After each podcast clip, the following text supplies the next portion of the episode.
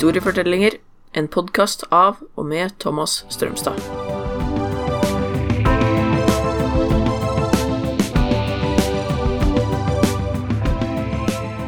Episode 17 Den franske revolusjon.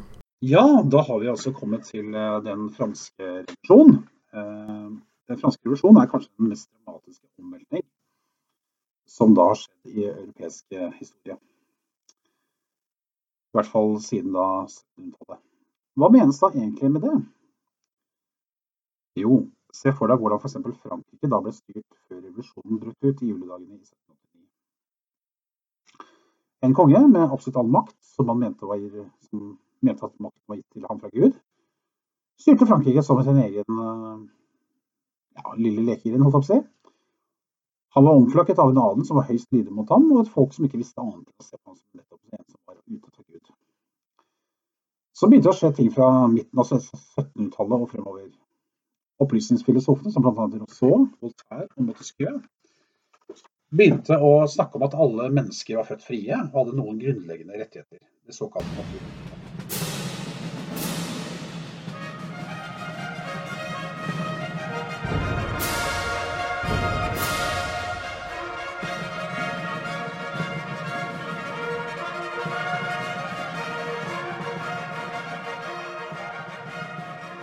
Med utbredelse av litteratur, om dette ikke minst gjennom det store leksikonverket Encyklopedien, utarbeidet av Råd, ble det da hyppigere og hyppigere diskutert i salonger og på kafeer rundt omkring. Dette med at um, om folk egentlig skulle leve sånn. Hadde ikke folk faktisk uh, noen rettigheter? Kan det tenkes at uh, samfunnet i Frankrike utover på 1700-tallet fortonte seg litt som da metoo-kampanjen dukket opp i vårt eget samfunn. Folk begynte kanskje å våkne, og særlig ettersom kongen og dronningen slett ikke var så høyverdige og gode representanter for Gud som man kunne forvente. Sanne med vet, men ser ikke bort fra at det kunne ha vært litt sånn.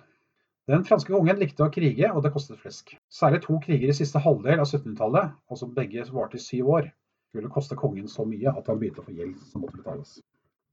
Fra 1756 til 1763 kriget Frankrike og Storbritannia om, et, om landområder i Nord-Amerika. Enden på den krigen var at Storbritannia vant og fikk herredømme over hele kystlinjen fra Florida opp til Canada. Penger var brukt til ingen nytte. På denne tiden var det slik i Frankrike at kirken og adelen slapp å betale skatt, mens da de stakkars vanlige menneskene, som bestod av velformuende forretningsmenn, fattige bønder og de som verre hadde, måtte betale. Ikke akkurat helt i tråd med vårt moderne velferdssamfunn, hvor vi da anser det som mer naturlig at de som har mest, også betaler mest. Men sånn var det nå i det, dette eneveldesamfunnet. Men flere og flere begynte å få, nok, mens kongen og dronningen satt og stappet i seg kaker og godteri og andre ting i sine luksuriøse slott. En ny krig skulle kanskje gi det endelige støtet.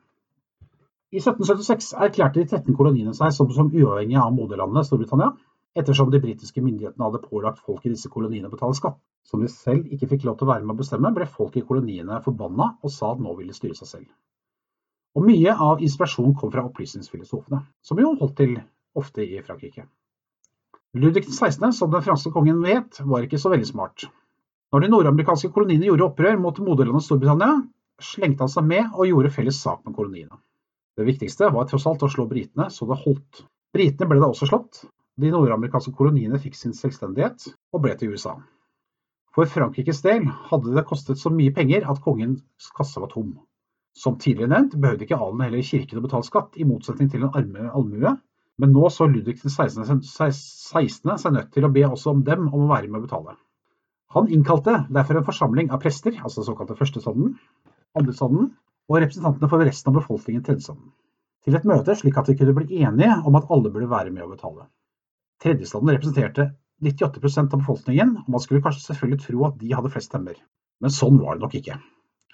Det var nemlig slik at hver stand hadde hver sin stemme. Enkel matematikk da å regne ut er at første og andre stand, som alltid var enige, kunne tre, i hvert fall som regel, kunne tre avgjørelser nedover hodet på tredjestanden. Tredjestanden hadde fått nok og forlangte at nå skulle hvert hode få sin stemme. Igjen enkel matematikk å regne ut at nå ville tredjestanden tre avgjørelser nedover hodene på første og andre standen. Videre forlangte de at man skulle avvikle denne stendegreia og heller opprette en nasjonalforsamling, hvor man vedtok lover for landet. Litt som vårt storting. Kongen om ikke akkurat med den største glød og begeistring, gikk med på dette slik at man kunne få pengene sine. I den nye nasjonalforsamlingen var det flere og flere som for alvor ønsket å fjerne kongens makt. Kongen forsto at hans makt sto i fare, og ble så engstelig at han prøvde, prøvde seg med å oppløse nasjonalforsamlingen med militærmakt. De vanlige borgerne som tilhørte borgerstanden syntes naturlig nok at dette var helt uhørt, og ble forbanna. Dette skjedde jo i en tid da folk var fattigere enn noen gang. Vi har jo sett på hvordan krigene svekket Frankrike økonomisk og gjorde folk mer fattige.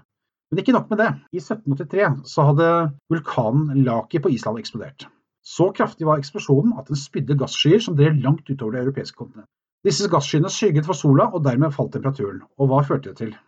Jo, dårligere jord, avling, og dermed mindre mat og høyere pris på brød. Det var jo denne sammenhengen, i forbindelse med at folk da ble fattige og manglet brød, at eh, den salige dronninga Marie Antoinette skal ha sagt følgende Men kan ikke spise kake.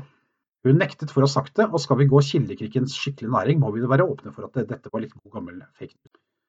Ok, folk var mildt sagt sultne, fortvila og forbanna, og da kongen truet med å bruke militærmakt, var de mer enn fullsprengt desperate. Folket plyndret våpenbutikker og våpenlagre, og den 14. juli stormet folkemassen Bastillen, som var en festning alle hatet, da det var et slags symbol på eneveldet. Kommandanten ble drept, og hans hode tredde de ned på spissen av en lanse som ble båret rundt i Paris' gater.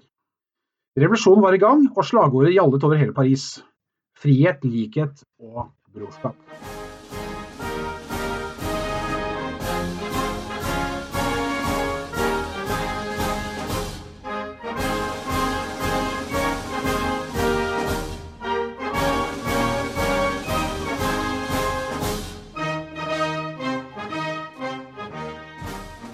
Opprøret i Paris nådde snart landsbygda, og bønder lot seg ikke lenger temme. De stormet inn i gårder og slått til de adelige, og de brente papirer som ga adelen av enighet til jakt og av kornmøller og forlange bønder til å jobbe for dem. Nå var det virkelig slutt på å bli holdt i føydale lenker. Når vi snakker om adelsmenn, er det viktig å huske på at også mange adelsmenn hadde fått sans for opplysningstidens ideer. Flere av dem hadde deltatt i den nordamerikanske frigjøringskrigen og har blitt inspirert av tanken om frihet og likhet for loven. De brukte sin posisjon i nasjonalforsamlingen til å avskaffe sine egne rettigheter. Nå gikk det virkelig unna, og 26.8.1789 vedtok man erklæringen om menneskerettigheter, og den ble senere tatt inn i grunnloven som kom i 1791. Kommer tilbake til den. Folk skulle ha samme rettigheter, hadde rett til frihet, eiendom og beskyttelse mot undertrykkelse, og de skulle få tro og mene akkurat hva de selv ville. Dette syntes kongen ble altfor meget, og nektet å skrive under på. Men akkurat som folk lot seg skremme av det, Tvert imot fikk de enda mer enn nok av disse tåpelige kongelige, og 5.10.1789 gikk 6000 kvinner sammen med soldater til Versailles og ba konge og dronning om å komme seg til Paris, slik at man fikk holdt øye med hva de holdt på med. Ting gikk som sagt fort nå, og folket hadde fått blod på tann. Eneveldet var kastet på historiens skraphaug, og kongen stod eh, nå ansvarlig overfor folket og ikke en gud. Grunnloven av 1791 befestet dette. Likevel var mange slett ennå ikke fornøyde, fordi det var nemlig slik at kun rike menn hadde stemmerett og kunne velges til nasjonalforsamlingen. Staten trengte enda mer penger, og gikk da løs på eiendommen til den katolske kirken. Og prestene var pent nødt til å sverge troskap til kirken.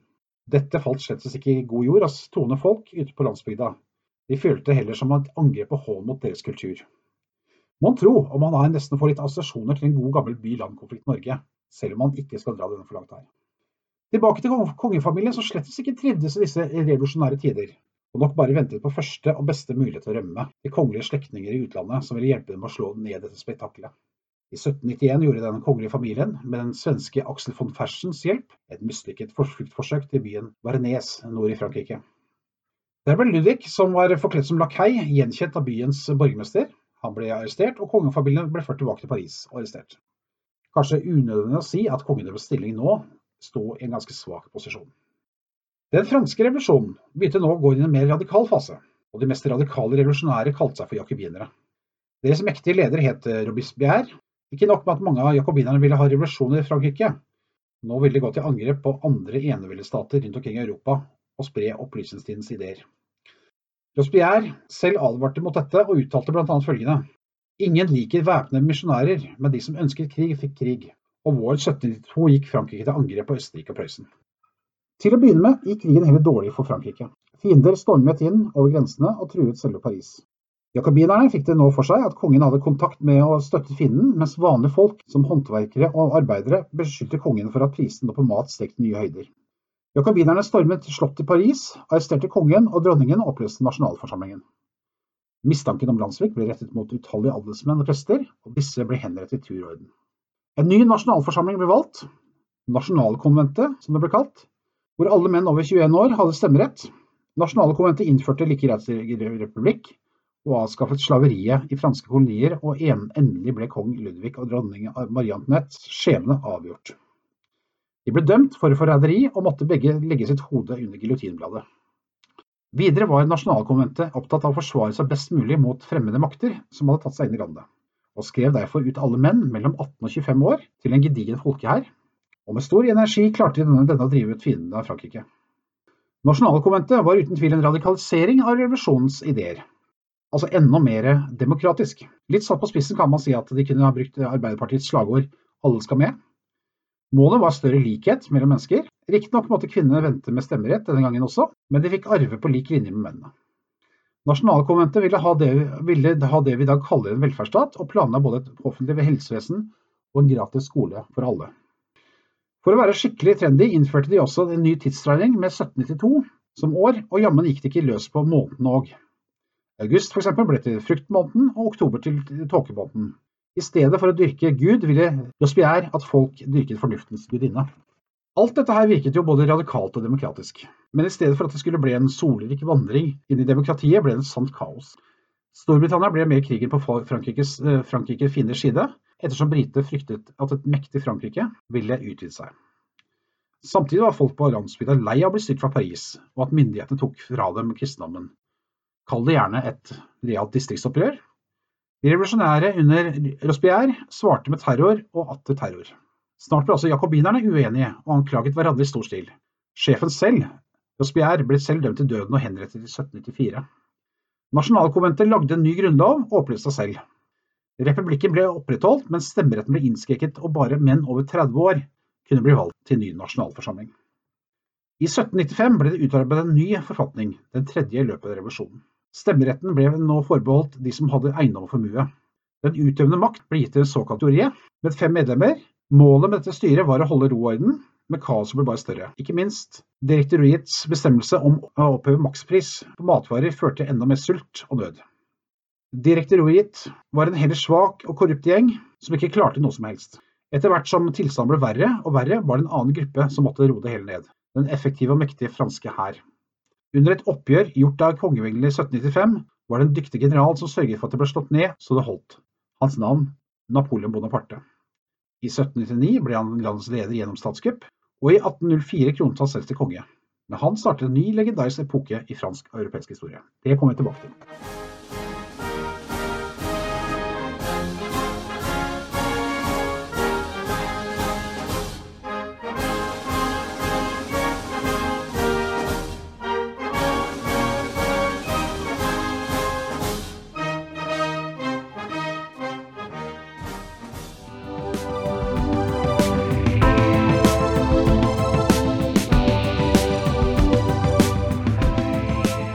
Du har hørt historiefortellinger fortalt av Thomas Strømstad.